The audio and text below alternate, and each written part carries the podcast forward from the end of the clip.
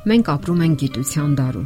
Մարդը նորանոր հայտնագործություններ է անում եւ բացահայտում տիեզերքի գաղտնիքները։ Ահա թե ինչու այսօր առավել քան հրատապ է հնչում հետեւյալ հարցը. Համաձայնեցվում են արդյոք ժամանակակից գիտությունը եւ հինավուրց Աստվածաշունչը։ Իսկ միգուցե դրանք հակասում են միմյանց։ Որքան էլ տարօրինակ հնչի, պատասխանը կարող է լինել եւ այո, եւ ոչ։ Եթե խոսքն այն մասին է, թե միշտ է արդյոք Աստծո խոսքը համաձայնեցվում գիտության հաստատած փաստերին, ապա պատասխանը կլինի այո։ Բայց երբ հարցնում են համաձայնեցվում է արդյոք Աստծո խոսքը գիտության տարբեր տեսությունների եւ դրանց հիման վրա արված իմաստասիրական հետևությունների հետ, ապա պատասխանը կլինի ոչ։ Ասել, որ Աստվածաշունչը համաձայնեցվում է բոլոր գիտական տեսությունների հետ, նշանակում է ասել, որ Աստծո խոսքը անկատար է քանի որ գիտական տեսություններն ու հետևությունները մշտապես փոփոխվում են։ Չմոռանանք, որ գիտական են կոչվում նաև այնպիսի տեսություններ, ինչպիսիք են աթեիզմը, կոմունիզմը եւ այլն։ Բնական է, որ այսպիսի գիտական տեսությունների հետ Աստվածաշունչը չի կարող համահունչ լինել։ Հաշվի առնենք նաև այն կարևոր պահը, որ գիտական նոր հայտնագործությունները կարող են մեկ օրվա մեջ ոչնչացնել արդեն արկա տեսությունները։ Գիտական գրքերը ծերացած են համարվում հրատարակվելուց արդեն մի քանի տարի, եթե ոչ մի քանի ամիս անց։ Ահա թե ինչու Աստվածաշունչը միշտ չէ որ համաձայնվում է գիտնականների եզրահանգումներին։ Ավելին, Աստվածաշունչը հաճախ ինքն է գիտական փաստեր բերում եւ տալիս շատ երևույթների գիտական մեկնաբանությունը։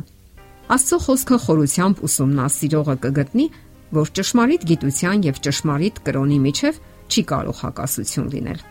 Նրանք իրար հակասում են միայն այն դեպքում, երբ սխալ են մեկնաբանվում։ Աստվածաշունչը բնական գիտությունների դասագիրք կամ ձեռնարկ չէ, թեև նա հիշատակում է նաև որոշ գիտական փաստեր, որոնք միանգամայն ներդաշնակ են գիտական փաստերի եւ հայտնագործությունների հետ։ Հարկավոր է նկատի ունենալ այն կարևոր պահը, որ գիտությունը ենթակա է փոփոխությունների, իսկ Աստծո խոսքը ոչ։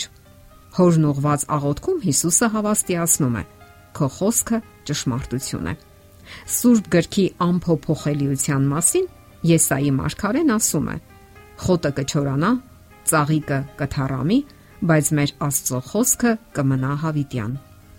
Այսպիսով Աստվածաշունչը պարունակում է հավիտենական ճշմարտություններ, որոնք երբեք չեն փոխվում։ Վերադառնալով տիեզերական թռիչքից ռուս տիեզերագնաց Յուրի Գագարինը ասաց. Ես միջմոլորակային տարածության մեջ էի եւ Աստծուն չտեսա։ Նշանակում է Աստված չկա։ Որոշ մարդիկ այս հայտարարությունը ընդունեցին որպես ճշմարտություն, որպես թե ժամանակակից գիտությունը հերքում է Աստծո գոյությունը։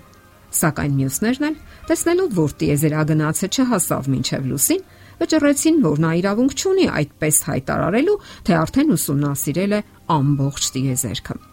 Ուշադրություն դարձնենք այսպիսի փաստերի Որպեսի մեր գալակտիկան անցնի լույսի արագությամբ, անհրաժեշտ է 1 միլիոն տարի։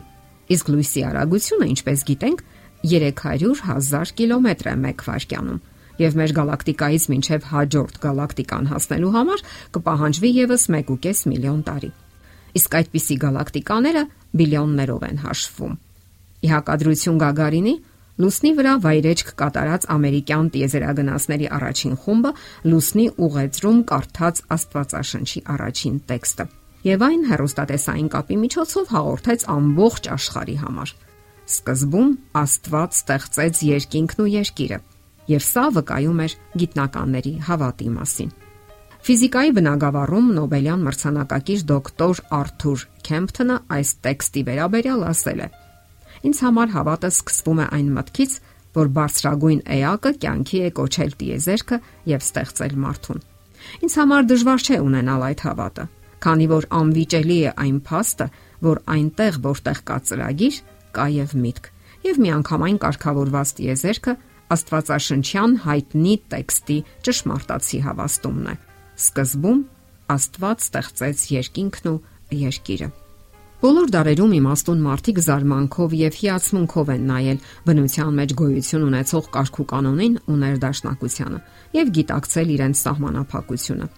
Ահա թե ինչու Աստծուն ընդունել եւ հավատացել են այնպիսի գիտնականներ, ինչպիսիք են Նյուտոնը, Գալիլեյը, Կոպեռնիկոսը եւ այլն։ Այն թյուր կարծիքն է ընդունված, որ ժամանակակից գիտնականները չեն հավատում Աստծուն, սակայն դա չի համապատասխանում իրականությանը։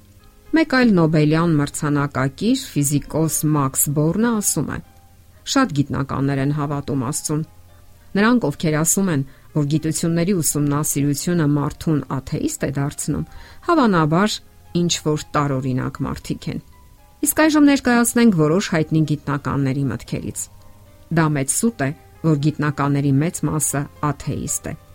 Դոկտոր Ալայա, քիմիկոս։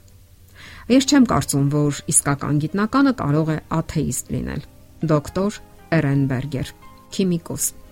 Ժամանակակից գիտությունը չի ոչնչացրել Աստվածաշնչի հիմնարար ճշմարտությունները։ Ես հավատում եմ Աստծուն։ Ես հավատում եմ Հիսուսին։ Ես հավատում եմ Աստվածաշնչին։ Բերկե, քիմիկոս։